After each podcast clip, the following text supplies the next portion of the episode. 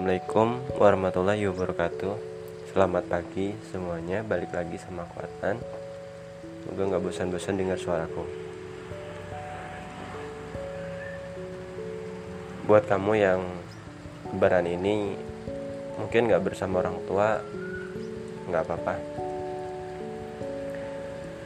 Yang penting kamu masih hidup Dan kamu bersyukur Kamu masih punya orang-orang yang Barangkali kamu sayang entah itu teman, sahabat, keluarga yang masih ada, siapa pun itu, kamu bersyukur akan hidup ini.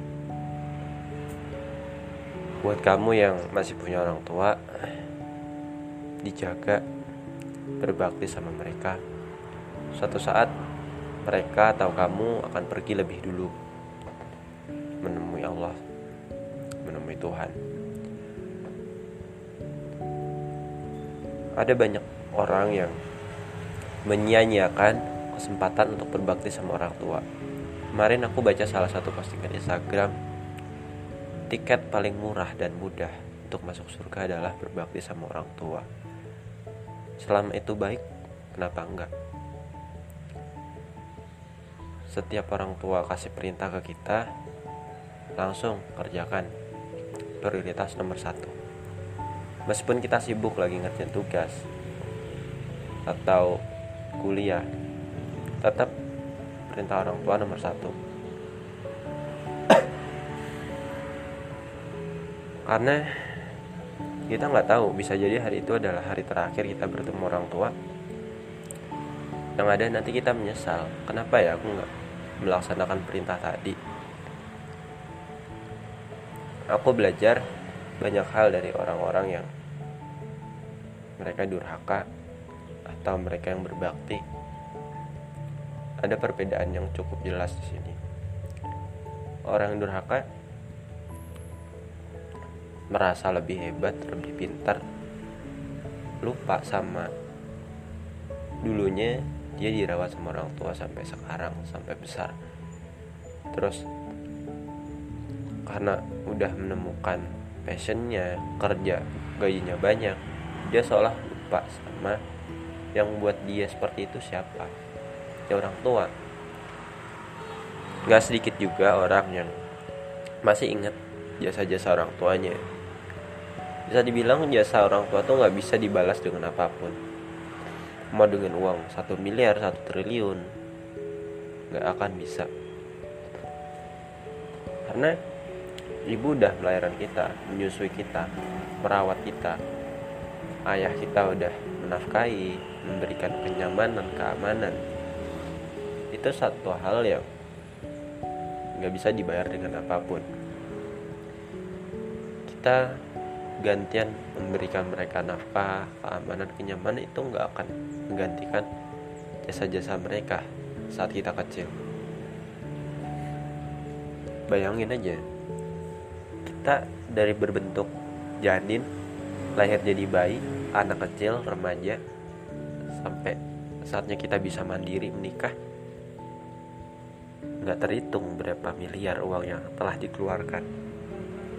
Tapi kita balas adalah kita merasa lebih hebat dan sebagainya. Yang buat orang tua merasa sakit hati, merasa nggak dihargai. Orang tua itu sebenarnya nggak berharap balasan apa pun dari kita, cukup doa, cukup. Kita berbakti sama orang tua pun udah cukup buat mereka. Di Al-Quran atau di kitab suci mana pun pasti berbakti sama orang tua itu adalah hal yang baik dan wajib kita lakukan sebagai anak. Kalau kita mau dihormati sama anak kita besok ya kita harus berbakti pula sama orang tua kita sekarang. Ya sekarang ter orang tua emang begitu mereka didik di zamannya kita di zaman yang berbeda. Kalau aku sekarang umur 20 tahun orang tua kita mungkin kita seumuran ya lahir tahun 70-an tahun 80-an atau 60-an notabene masa-masa itu adalah masa yang belum secanggih sekarang jauh dari kata maju. Masih baru kemerdekaan tuh banyak pemberontakan. Makan aja susah. Makan enak makan minum enak. Kita harus kerja keras supaya bisa makan. Itu pun hanya sedikit. Terus dibagi-bagi. Kita harus mencari alternatif. Tumbuhan apa yang bisa dimakan? Bahkan makanan sisa pun terpaksa harus dimakan juga. Betapa susahnya saat itu. Ditambah tahun 98 menjelang 2000-an itu ada krisis moneter yang harga bahan makanan bahan apa pun tuh naik. Terlebih jika ada orang yang lahir tahun segitu. Bayangkan betapa beratnya orang tua kita melahirkan anak harus bayar rumah sakit dan sebagainya. Jadi wajar kalau pemikiran kita sama orang tua emang jauh jauh berbeda. Karena kita hidup dan mereka hidup di zaman yang berbeda pula. Kita nggak bisa memaksa harus mendidik kita sesuai zaman ini. Nah ya mereka cuma paham zaman kita. Oh zaman yang maju. Zaman serba teknologi. Nggak banyak kok orang akhir tahun 50 60-an bisa mengoperasikan smartphone. Tahu fitur-fiturnya. Kadang harus tanya sama anaknya sama orang lain ini gimana ya cara makanya sederhana aja sebenarnya untuk kita tapi bagi mereka itu suatu hal yang mewah amazing. Karena di zaman mereka dulu nggak ada namanya HP smartphone dan sebagainya. Kembali lagi ke topik berbakti sama orang tua aku tadi udah bilang kalau kita nggak akan bisa membalas setiap jasa dari mereka. Bisa dikatakan mereka adalah guru dosen kehidupan pertama bagi hidup kita. Masa-masa emas masa kecil kita. Orang tua yang memberikan kita pengaruh cukup besar sebelum kita masuk sekolah kenal sama orang lain.